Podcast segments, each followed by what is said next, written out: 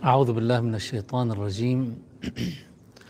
بسم الله الرحمن الرحيم. الحمد لله رب العالمين والصلاة والسلام على سيدنا محمد وعلى آله الطيبين الطاهرين وأصحابه المنتجبين وعلى جميع الأنبياء والمرسلين.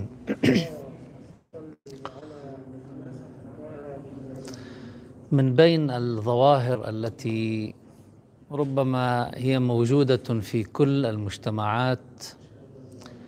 ظاهرة التكلم والتحدث وملاحظة عيوب الناس. وفي كثير من الأحيان مسألة عيوب الناس تأخذ مجال الأحاديث الخاصة بين الزوجين بين أفراد الأسرة بين الجيران. وأيضا في عالم الإعلام والصحف ووسائل التواصل الاجتماعي أصبح هذا الأمر أيضا موجودا بشكل ربما شائع لم يكن موجودا من قبل. بين الأزواج قد تجد بأن هناك حديث عن فلان الذي فعل كذا والعيب الفلاني عند الأسرة الفلانية. في أماكن اجتماع القرية قد تجد بأن هناك حديث عن أهل القرى الآخرين. في الإعلام تجد بأن اليوم السبق الصحفي أو الإعلامي هو جزء من الهم العام. عليكم السلام ورحمة الله. هو جزء من الهم العام الذي يتحرك اليوم الكثير من الإعلاميين ليحصلوا عليه. وارتبط الأمر أيضا بالنسبة نسبة المشاهدة بحيث أن كل سبق صحفي أو كل سبق إعلامي مرتبط بعيوب الناس عادة ما نجد المشاهدة له أعلى التفاعل معه أكثر المشاركة له أيضا هي واسعة الانتشار. وقد يصل الأمر إلى أنه أحيانا يصبح لدينا نوع من العيب العام لكثرة ما يتداول الناس بعيوب. عائلة فلانية فعلت كذا فلان الإبن فلان الأب الأم الأخت. فتصبح العائلة مطبوعة بهذا العيب. ولذلك يقال العائلة الفلانية كذا العائلة الفلانية بخيلة العائلة الفلانية جبانة العائلة الفلانية مثلا ربما تعيش الشر للآخرين تضمر الشر للآخرين وهكذا. هذا الأمر كلما اتسعت الدائرة أيضا نجده. اليوم في عنا شيء من الألقاب تعطى لأهل قرى. القرية الفلانية كذا والقرية الفلانية لها اللقب الفلاني. ناشئ من ماذا؟ ناشئ من تداول مجموعة من القصص مجموعة من الأحداث حول هذه القرية الفلانية أو تلك القرية الفلانية. هذا البلد أو ذلك البلد هذا الشعب أو ذاك الشعب. في العالم الواسع اليوم في عالم الحضارة والشعوب الحضارية اليوم نجد نقول الشعوب الشرقية مثلا شعوب متخلفة شعوب متعصبة. الشرق مثلا هو آه، لا يعيش الحضارة يعيش الفردانية يعيش السلطة. هذا الشعب الفلاني لا يمكن أن يستقيم حاله إلا من خلال قمع ومن خلال دكتاتوريه وما إلى ذلك. الشعوب الغربية شعوب لا ديمقراطية شعوب لديها الكثير من المأسسة وما إلى ذلك. الحديث عن مساوئ الآخرين الحديث عن عيوب الآخرين هو أمر تهواه النفس لكن المساحات المظلمة في شخصيات الناس وعادة كلما كان الشيء خفيا أكثر كلما كان الشيء ممنوعا أكثر كلما كان الإنسان أكثر توجها إليه أكثر طلبا له ولذلك اليوم لما بنشوف بعض الصحف التي تعتمد الفضائحيات أو بعض البرامج اليوم التلفزيونية التي تركز على سلبيات الآخرين تجد بأن الناس تنتظرها ونسبة المشاهدة فيها عالية جدا لماذا؟ لأنها توافق هذا الهوى في النفس. الناس تهوى السياحه في عيوب الناس. تهوى معرفة النقائص والسلبيات الموجودة لدى الآخرين. بطبيعة الحال هذا الأمر له سبب. هذا الأمر له سبب. بمعنى لا ينشأ من النفس هكذا. يعني الله سبحانه وتعالى خلق الإنسان وفطره وجعل فيه غريزة حب المناطق المخفية عند الآخرين. المساحات المظلمة الأسرار الأشياء الغامضة يحتاج الإنسان تستفز الإنسان تستثير الإنسان. يعني كما حبب إليه أو فطره وجعل فيه غريزة الأكل والشرب وحب الحياة وحب الملك وما إلى ذلك فطره على أن يحب عيوب الناس. لا الموضوع ليس كذلك. لكن قبل أن ندخل في لماذا هذه لنقف عندما يقوله أمير المؤمنين علي عليه السلام في نهج البلاغة فيما يرتبط بأهل الذنوب وأهل المعاصي وأهل العيوب عموما.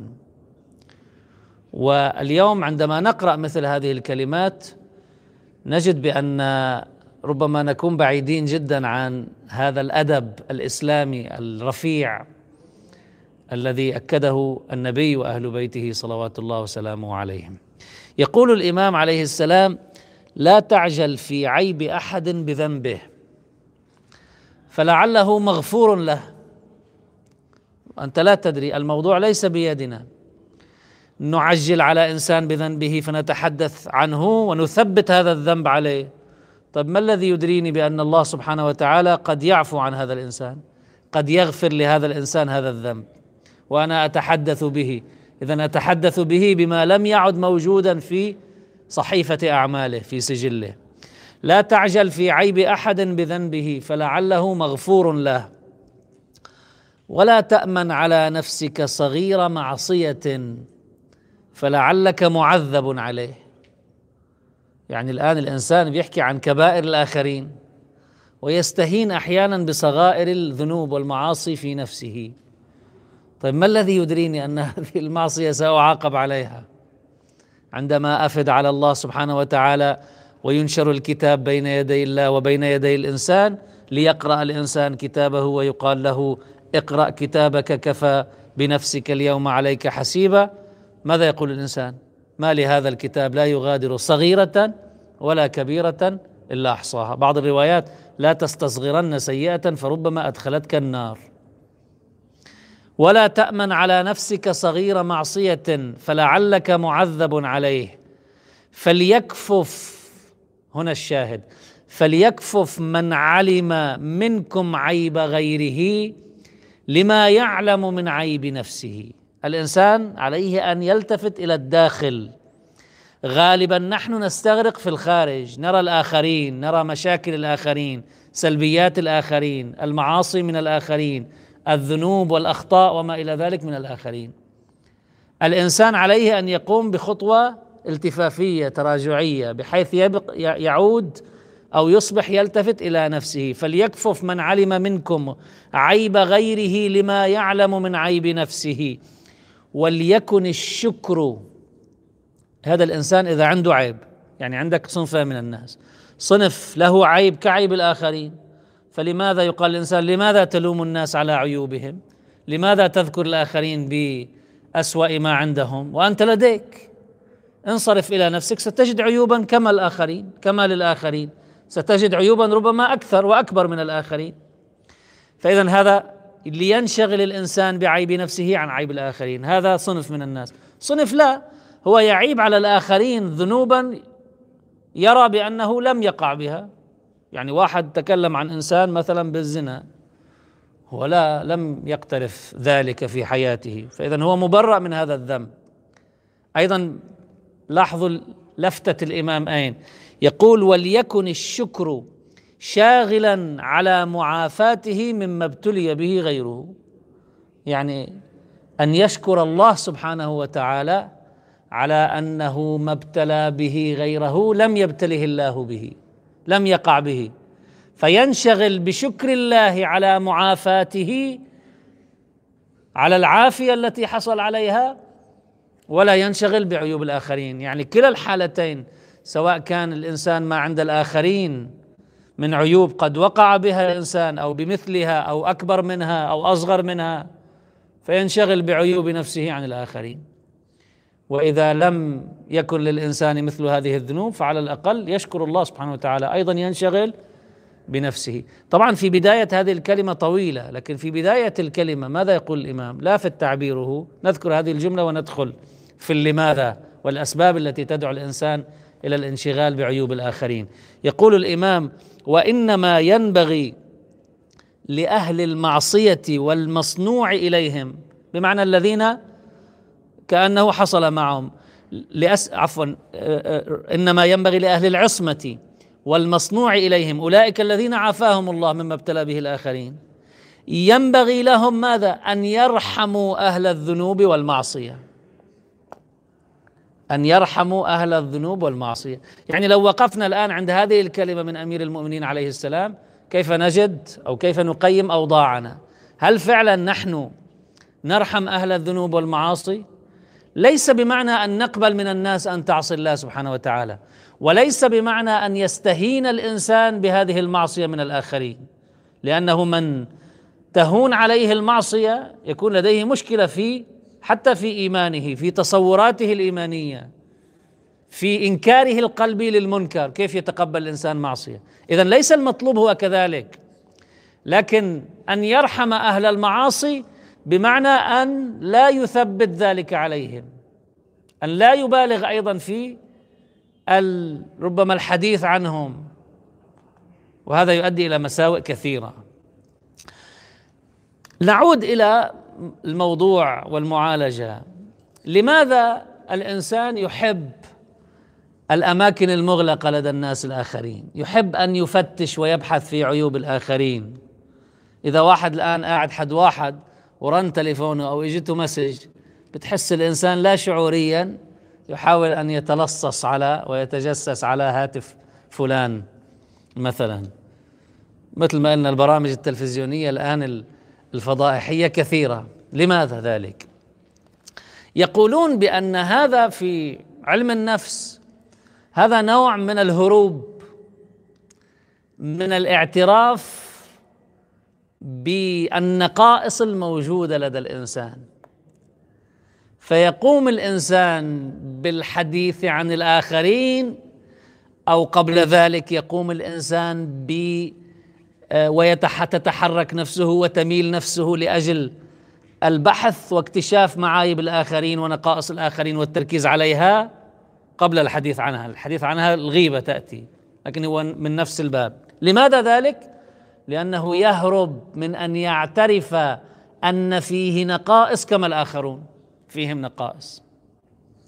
هو هروب إلى الأمام من الاعتراف للنفس بنقائصها. اذا هو نوع من عدم الصدق مع الذات. نوع من عدم الشفافية مع النفس. يسمونه الإسقاط النفسي. بمعنى يسقط الإنسان داخله يعكسه على الآخرين. طبعا في بيت شعر أو في مثل يقال كاد المريب أن يقول خذوني. ليش؟ لكثرة يقال لكثرة ما يتحدث الإنسان عن نفي التهمة عنه يصبح هو محل التهمة. لماذا تكثر من الحديث عن ذلك؟ يقال له. لعل في في تخفي شيء وتريد أن تتحدث بطريقة كأنه تصرف الشبهة عن نفسك.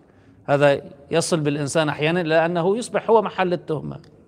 إذا هو هروب من الذات إلى الآخرين. إلباس جلباب الذات في نقائصها وعيوبها إلباسه للآخرين. إسقاط نفسي بحسب التعبير. طبعا واحيانا هو الدافع النفسي والذاتي هو الأساس لكن أحيانا شو بنقوم نعمل نحن؟ عندما يقال للانسان التفت إلى عيوب نفسك يقال يقول ماذا؟ أنا أريد الإصلاح. لماذا تتحدث عن عيوب الآخرين؟ أريد الإصلاح. لماذا تتحدث عن عيوب الآخرين؟ أريد التأكيد على إنكار المنكر. يعني من لبس الموضوع أيضا لباس الطاعة. انشغالنا بعيوب الناس من لبس لباس الطاعة. اذا أنا أريد أن أنكر المنكر في قلبي أن أؤكد على العنصر الهداية أن أحمد الله سبحانه وتعالى أنه عافاني مما ابتلى به غيري ولو شاء لفعل. أبغض المعصية أظهرها في ذلك. لذلك بنشوف بعض الأحاديث بعض الروايات عن أئمة أهل البيت عليهم السلام بتعبر بأكثر من تعبير. طوبى الإمام علي عليه السلام يقول طوبى لمن شغله عيبه عن عيوب الناس. ببعض الروايات أفضل الناس من يشغله عيبه عن عيوب الناس. أفضل الناس.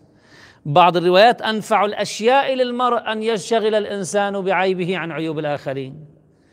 بعض الروايات تقول كفاك ادبا لنفسك اجتناب ما تكرهه من غيرك. لما بتشوف شيء عند الآخرين يكفيك من الأدب. كل ما رأيت شيء سلبي عند الآخرين عيب عند الآخرين خطأ عند الآخرين حاول أن تؤدب نفسك بأن لا يكون لديك كذلك أن لا يكون لديك هذا العيب وهذا النقص. حول هذه النقطة تجدها في نفسك تحولها إلى عنصر قوة. طبعا هذا يحتاج إلى صدق مع النفس. والإنسان في كثير من الأحيان قد يكتشف بأنه ضعيف أمام ذاته. القوي هو الذي يصدق مع نفسه ويعترف لنفسه بنقاط ضعفها كما يعترف لها بنقاط قوتها. بينما الإنسان الضعيف هو الذي يهرب من الاعتراف بنقاط ضعفه. طبعا هذا الأمر يؤدي بالإنسان إلى ماذا؟ الإنسان جزء أساسي من مسؤولياته. عندما ينشغل الإنسان عن عيوب الآخرين جزء أساسي من مسؤولياته هو ماذا؟ هو أن يصلح ذاته. أنا بالحياة لم لا أخلق لا يخلق الإنسان كاملا. حتى عندما يكون طفلا طفلا لم يعمل أي شيء بعده خلقان جديد هذا الطفل لا الله سبحانه وتعالى يقول أخرجكم من بطون أمهاتكم لا تعلمون شيئا. وجعل وجعل لكم السمع والأبصار والأفئدة لعلكم تشكرون. اذا قبل العمل قبل في هذه المرحلة لا شيء. مو كامل يعني وليس لديه شيء. لم يعمل ليبدو كماله. وبالتالي مسيرتنا في الحياة هي مسيرة إصلاحية دائمة للذات. وكل التجارب التي ندخل بها في الحياة كل الابتلاءات كل التحديات كل الضغوطات هذه كلها لأجل ماذا؟ لأجل أن تكون نوع من التربيه للإنسان. واحيانا لما بيقول إذا أحب الله عبدا ابتلاه ليش؟ لأن الابتلاء هو نوع من التربية الإلهية للإنسان ولتصنع على عيني يقول الله لموسى عليه السلام. واصطنعتك لنفسي. هذه الصناعة لهذا الإنسان لهذا النبي هي مر فيها ببلاءات وابتلاءات واختبارات كبيرة جدا. فاذا الإنسان لابد أن ينشغل بإصلاح ذاته.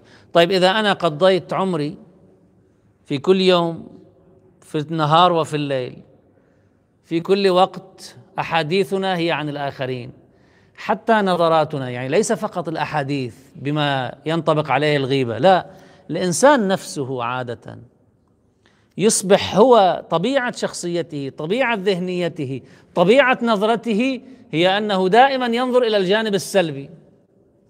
إذا شاف الإنسان مثلا في الواقع إنسان لا يحبه لا يرى فيه إلا سلبياته. شافه عمل خير يغض بصره عن عمل الخير. ما بيريد إنه يخدش هذه الصورة لهذا الإنسان في داخل نفسه. ولذلك نوع من التربية كان لدى أنبياء الله عز أنبياء الله عليهم السلام.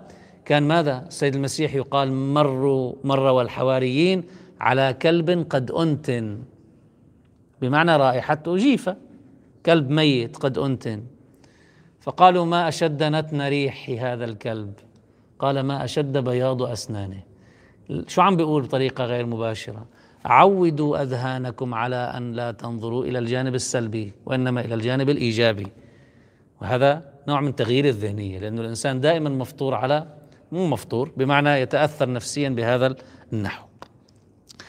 إذا كان هذا اللون من الميل النفسي هو أننا دائما كما يقول النبي صلى الله عليه وآله يبصر يبصر أحدكم القذى في عين أخيه ولا يبصر الجذع في عينه. يعني إذا في قشة في ألم معين في شيء سلبي بعين أخيه يبصرها الإنسان. أما هو شو في بعينه؟ في جذع في خشبة لا يبصرها. دائما يرى الأشياء عند الآخرين ولا يرى ما هو أكبر منها عند نفسه. إذا كان الإنسان كذلك ما هو المطلوب منه لكي يخرج من هذه الحال؟ طبعا هذا نوع من التربية يحتاج الإنسان وهي التربية بدها مراقبة. اولا بدها صدق مع النفس. بمعنى كما يقول السيد فضل الله رضوان الله عليه يقول نحتاج إلى تنظيف القلب من الميل المنحرف والشعور العدواني والنية الشريرة. يعني بدنا نصفي النوايا. أن نحاول أن نستشعر أو أن نجعل النفس تميل إلى رؤية الإيجابيات إلى هذا الجانب المشرق دائما. إلى الجمال في كل شيء. نبحث عن الجمال في كل شيء. طبعا هذا يحتاج إلى تدرب. تدرب على تصفية هذه النية. وهذا لا يكون هكذا. يعني جزء من عملية تصفية النية وتزكية النفس إنما يمر بماذا؟ بالاعتراف للنفس بنقاط ضعفها. الاعتراف للنفس بنقاط ضعفها. ولذلك الإنسان ينبغي عليه أن يبدأ بسؤال نفسه. لماذا يقوم الإنسان بالتركيز على عيوب الآخرين ونقائص الآخرين؟ لأنه يريد أن يبرز لأنه يريد أن يتفوق لأنه يريد أن يعلو يطلع الأول بيعمل بالصف كلهم راسبين. يعني إذا قلنا بالصف كلهم بيقولوا للواحد أنت شو طلعت اليوم؟ حصلت على الشهادة. في المدرسة أو في الجامعة بقول أنا طلعت الأول لكن بيطلعوا كل اللي بالصف ساقطين. فالإنسان عادة يسقط الآخرين لأجل أن يكبر المسافة بينه وبينهم فيستعلي على الآخرين. لذلك فرعون مثلا جدا دقيق هذا التعبير القرآني. يقول فاستخف قومه فأطاعوه. طبعا استخفاف القوم لكي هو خفيف. هو فرعون ليس فيه امتلاء في الذات. هو لديه إنما يحتاج إلى الظلم الضعيف هو ضعيف في نفسه. لكن عمق الهوة بينه وبين الناس الآخرين حتى يبدو هو ربهم الأعلى. ما علمت لكم من إله غيري. الإنسان أحيانا يسقط عيوبه على عيوب الآخرين أو يهرب من عيوبه ليركز على عيوب الآخرين ونقائص الآخرين وذنوب الآخرين ومعاصي الآخرين لأجل ماذا؟ ليبدو كاملا. فعلا الإنسان بيقول لك شوف هالمجتمع شو وضعه؟ شوف هالناس كيف ما في منا خير. شوف هول المتخلفين كيف يتصرفون. كثرة الحديث عن السلبيات للناس الآخرين للشعوب الآخرين يجعل الإنسان يشعر بأن هذا الإنسان الذي يتحدث إنسان, إنسان كامل. إنسان ليس فيه هذه العيوب ليس فيه إنسان حضاري إنسان متميز. والحال أن هذا هو نوع من الهروب من المستور لدى الإنسان تجاه فضح الآخرين فإذا نسأل أنفسنا سؤالا أنا ماذا أريد؟ أريد ذلك؟ أريد أن أرتاح سؤال آخر أريد أن أرتاح مع نفسي بمعنى ميلي إلى البحث والتركيز على عيوب الآخرين لأنه أنا لدي عيوب مماثلة وأنا أريد أن أرتاح أشعر بالإشباع أشعر بالاكتفاء. عندما أبرز ما عند الآخرين فإذا أنا أشعر بأنه ماشي الحال يعني أنا مع الناس كسائر الناس. فيشعر الإنسان ما في داعي أنه يقوم بأي عمل لإعادة هذا اللون من الإصلاح للنفس. النفس يرجعها إلى طاعة الله عز وجل إلى التوبة. فالناس كلهم هيك. بيقول لك شو أنا أحسن من الناس. كل الناس بتعصي الله كل الناس تذنب كل الناس فيها عيوب كل الناس فيها نقائص. طيب أنت ما بدك تشتغل بنفسك بإصلاح ذاتك؟ لا خلص من الناس كلها هيك. شو أنا غير الناس؟ كل ابن آدم خطاء وخلص. وبالتالي يكف الإنسان عن يشعر بالراحة حتى مع معاصيه يشعر بالراحة مع ذنوبه. كثره حديث الإنسان عما عند الآخرين من مشاكل بيقول لك أنا أحسن حال على الأقل هالمعصية ما فتت فيها فتت بأقل منها فيشعر بالراحة. طيب ما أنت تحتاج إلى التوبة. إصلاح نفسك جزء أساسي من مسؤوليتك جزء أساسي من مصيرك بين يدي الله عز وجل. خلص ارتاح لأنه حكي عن ذنوب الآخرين.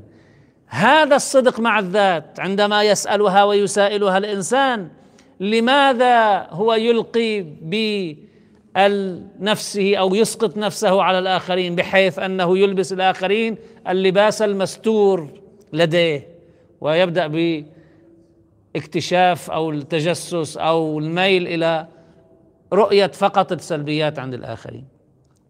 وهذا الأمر بمجتمعاتنا بنعيشه اليوم. هذا الأمر لوين بيوصلنا؟ بيوصلنا أحيانا لما بيكون الموضوع فردي بيكون مربوط بإنسان معين. تلتقي فيه اليوم تلتقي فيه بكرة. يعني بضل في مجال إنه أن أن يكون هناك فسحة. لكن لما بنحكي بالموضوع عن المجتمع ومثل ما عم يصير اليوم بوسائل التواصل الاجتماعي كل واحد بيطلع معه خبرية سلبية بيجيبها وبيحطها على وسائل التواصل الاجتماعي. والناس تهوى ماذا؟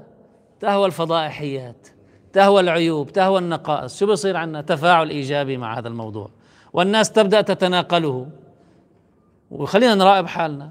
شوف أكثر شيء مما يتناقله الناس ويحصل على ريتنج عالي نسبة مشاهدة عالية. أكثر شيء هو هذا الحديث عن مشاكل الناس وعيوب الناس ونقائص الناس والمشكل الفلاني وصورناه نحن وماشيين وفلان الذي سب لفلان وفلان الذي تحدث على فلان بجلسة خاصة وما إلى ذلك وصورناها أو سجلناها وسربنا التسجيل والتصوير وما إلى ذلك. هذه أكثر شيء يتداوله الناس. الأخطاء اليوم اللي يتلعثم الإنسان ببعض ألفاظه بعض البرامج التلفزيونية بتجيبها وتركز عليها. هذا الأمر ماذا يصنع؟ هذا الأمر يصنع صورة ميل عام عند الناس انطباع عام بأن هذا المجتمع هو كذلك. اليوم بنسأل مثلا ليش اليوم في صورة سلبية عن المؤمنين عموما؟ نحن قد نكون جزءا ممن ساهم فيها في كثرة الحديث عن ماذا؟ كثرة الحديث عن هؤلاء. عن العيب الفلاني بهالمنطقة والعيب الفلاني من هذا الإنسان والعيب الفلاني بهذا المشكل الفلاني اللي حصل. طيب هو بالنهاية إذا فسر المجتمع أكبر بكثير من ذلك لكن كثرة ما يتداول الناس بالقضية الواحدة تتضخم. وإذا كان عدة قضايا تتضخم أكثر ومع تكرارها مرارا وتكرارا شو بصير عندنا؟ بصير عندنا صورة نمطية هذا المجتمع يربط الذهن بين المجتمع وبين ماذا؟ بين هذه العيوب والنقائص ولذلك بنصير عندنا بنلاقي لما بنقول العائله الفلانيه بخيلة والقرية الفلانيه مثلا آه أناس ما بيتأمن لهم آه ما بيحس الإنسان بالأمن لما بفوت عندهم وهكذا هي هي منين إجت؟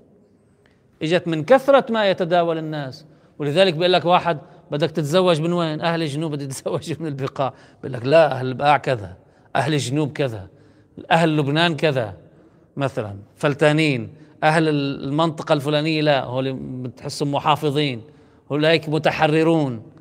ليش؟ من أين؟ لكثرة ما يركز الناس في أحاديثهم في تكرار أحاديثهم عن على عيب فلاني أو قضية فلانية أو نقص فلاني. وبعدين كيف بدك تزيل هاي الصورة النمطية عند الناس؟ لا تزال تورث أجيال. جيل ورا جيل تورث. ولذلك لما بيقول أئمة أهل البيت انشغال الإنسان انشغال الإنسان عن نفسه عن عيب نفسه عن عيوب بعيب نفسه عن عيوب الآخرين. لأجل ماذا؟ لأجل قطع كل هذه الإمدادات لهذا التطور في الأشياء في العيوب في النقائص حتى لا تتحول اولا لا تتحول عند الإنسان العاصي إلى عقدة. بتضل تلاحقه. تخيل واحد يعصي الله سبحانه وتعالى اليوم بهالأيام ننشر له فيديو هكذا فضحناه على رؤوس الأشهاد. بعد مين بده يخلصوا إذا تاب هذا الإنسان من هذا الفيديو الموجود؟ عند كل إنسان في في هاتف محمول لكل إنسان. منين بده يخلص من الموضوع؟ قد تخلق له هذه العقدة أنه لا يتوب أصلا. يعني إذا كنا فعلا صادقين في أننا نريد من الناس أن يتوبوا ويقلعوا عن المعاصي ونبرر لأنفسنا الحديث عن معاصي الناس وذنوب الناس بذلك. قد ندفع نحن بحديثنا عن ذلك عند الناس إلى أن لا يتوبوا أصلا. لأننا خلقنا حاجزا بينه وبين تنظيف سجله الاجرامي كما يقال. وهذا حاصل. كثير من الناس ليش ما تابوا؟ اجى بلحظة من اللحظات يمكن صار عنده نوع من التراجع من الندم. لكن شاف كل الناس ما قبلت منه. بلش يصلي إيه شو مبين؟ شو جاي على المسجد مبين. هلا فقت على الصلاة صار عمرك خمسين وستين سنة جاي تصلي. ما كنت قبل ليش ما كنت قبل؟ وقت اللي الناس كانت كلها تيجي وكنا نقول لك وبنضل نذكره بالماضي. خلقنا له عقدة ثبتنا له ذنبه عليه. وبالتالي أصبح عنده عقدة من هذا الذنب. إذا على المستوى الفردي لما بيقول الإمام ارحموا أن يرحموا أهل الذنوب بمعنى أن لا يحولوا الذنوب بكثرة التماسها والحديث عنها إلى عقدة للمذنب للخاطئ للعاصي. حتى إذا بده يرجع إلى التوبة يرجع إلى الله سبحانه وتعالى يرجع بكرامته. الله لا يذل إنسانا عصاه بل يستر عليه. بيجي البشر لا يقومون بإذلال الناس نثبت. واليوم أخطر شيء اليوم اللي وصلنا له بوسائل التواصل الاجتماعي. أصبح من السهل على الإنسان. حامل تليفونه شاف شيء قدامه مباشرة بيعمل أحيانا بث مباشر. اذا على المستوى الفردي نحن لا نرحم بذلك أهل المعاصي. لا نشيع الطاعة بل نشيع المعصية بتثبيتها لدى هذا الإنسان. أيضا قد نحول الأمر ويصبح الأمر ويكبر يبالغ فيه إلى درجة يصبح أن يطبع شعب بأسره، مجتمع بأسره، أهل قرية، أهل مدينة، جماعة معينة. قديش قديش حكوا الناس اليوم عن رجال الدين، طيب ما عندنا رجال دين روحانيين، رجال دين يخافون الله. بيقول لك اليوم رجل الدين فاكثر واحد داير على الدنيا. بحثنا عملنا إحصاء لا. في عندنا رجال دين فاسقين نعم. هو الله سبحانه وتعالى ضرب لنا مثل بمن؟ ذلك الذي آتيناه آياتنا.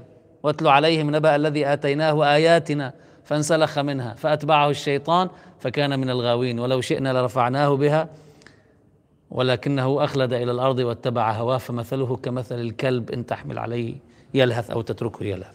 حكي عن رجل دين بالنهاية. في عنا في عنا رجال دين عملاء نعم في. في عنا رجال دين لا يحسنون الحديث مع الناس نعم في. ما هم بشر. لما نحن نكثر الحديث مثلا أصبحنا نبعد الناس نوجد مسافة بين هؤلاء وبين الناس. حتى الإنسان الروحاني أصبح الناس تسخر منه. بصير عندك بيقول لك أنا عندي بس شوف رجل دين صرت أعمل بلوك نفسي. ما لي خلق. ما بسمع له. لماذا؟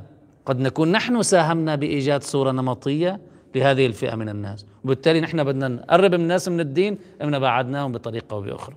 على الأقل يكون الإنسان موضوعي بدك تنتقد تنتقد فيه بطريقة حكيمة تؤدي إلى حصول الهدف. بالنتيجة لنحصل على ذلك يحتاج الإنسان إلى نوع من التدرب. يعني يبدأ يلتفت إلى ذاته. بدل ما يشوف فقط الجانب لما بيلاقي حاله دائما عم بيشوف عند الإنسان الجانب السلبي. لما بيفوت على المسجد مثلا أو على البيت بيشوف بس محل الناش محل مخرب ما بيشوف الأشياء الأخرى. في ناس أحيانا لأجل شيء بسيط ما بتي بعد يعيش بمكان معين.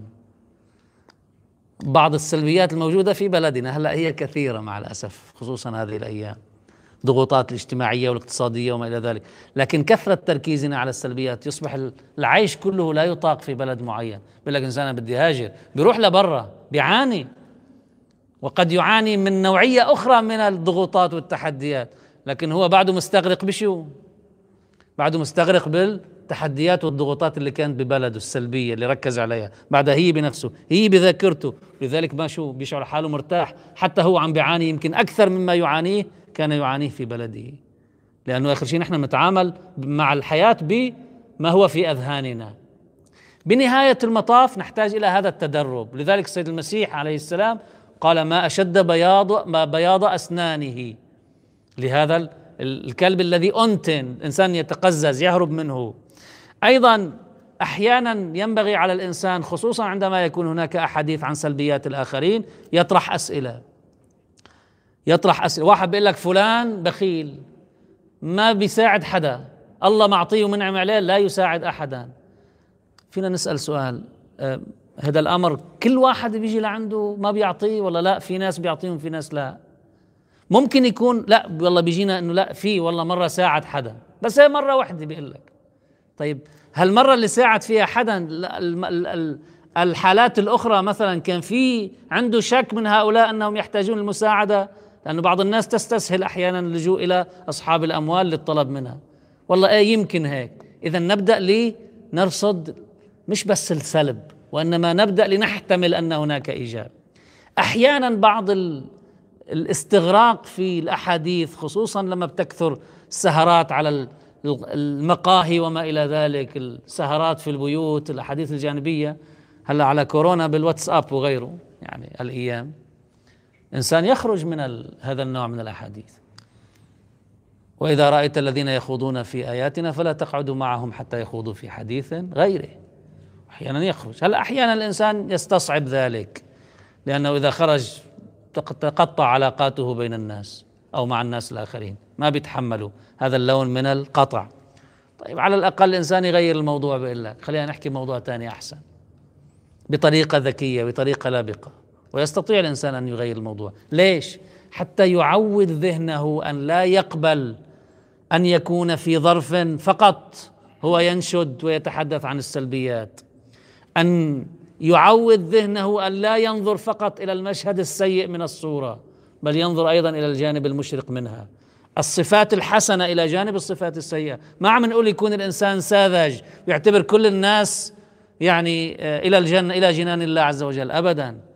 يرى بعينين عين تنظر الإيجابيات وعين تنظر السلبيات. لأنه إذا الإنسان ركز فقط على سلبيات الآخرين هو لا يعيش مع ذاته باطمئنان واستقرار حقيقي لأنه سيكون مشغولا عن عيوب نفسه وكل نقائص نفسه تشعر الإنسان بالقلق والتوتر. وأيضا تجعله يكف عن أداء مسؤولياته في إصلاح نفسه وأيضا هو يؤدي به الأمر إلى أن لا يصبح يعيش بشكل جيد إذا كان كل المجتمع من حوله مليء بالسلبيات. وليس فيه شيء إلا هذه النقائص والعيوب والذنوب.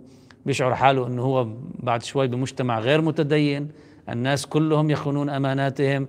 الناس كلهم كاذبون. الناس كلهم آه، بعيدون عن الله سبحانه وتعالى. الناس كلهم منافقون. وهي صارت. وعم نحكي عن مجتمعات نتحدث فيها عن مجتمعات المؤمنين أنفسهم. والحال أن الأمر ليس كذلك. اذا الإمام عليه السلام يريد أن يؤكد على هذه النقطة. ارحموا أهل المعاصي حتى لا تخلقوا عقدة لديهم وحتى لا تعمموا المعصية ولعل قوله تعالى إن الذين يحبون أن تشيع الفاحشة في الذين آمنوا هو هذا الميل النفسي إلى شو؟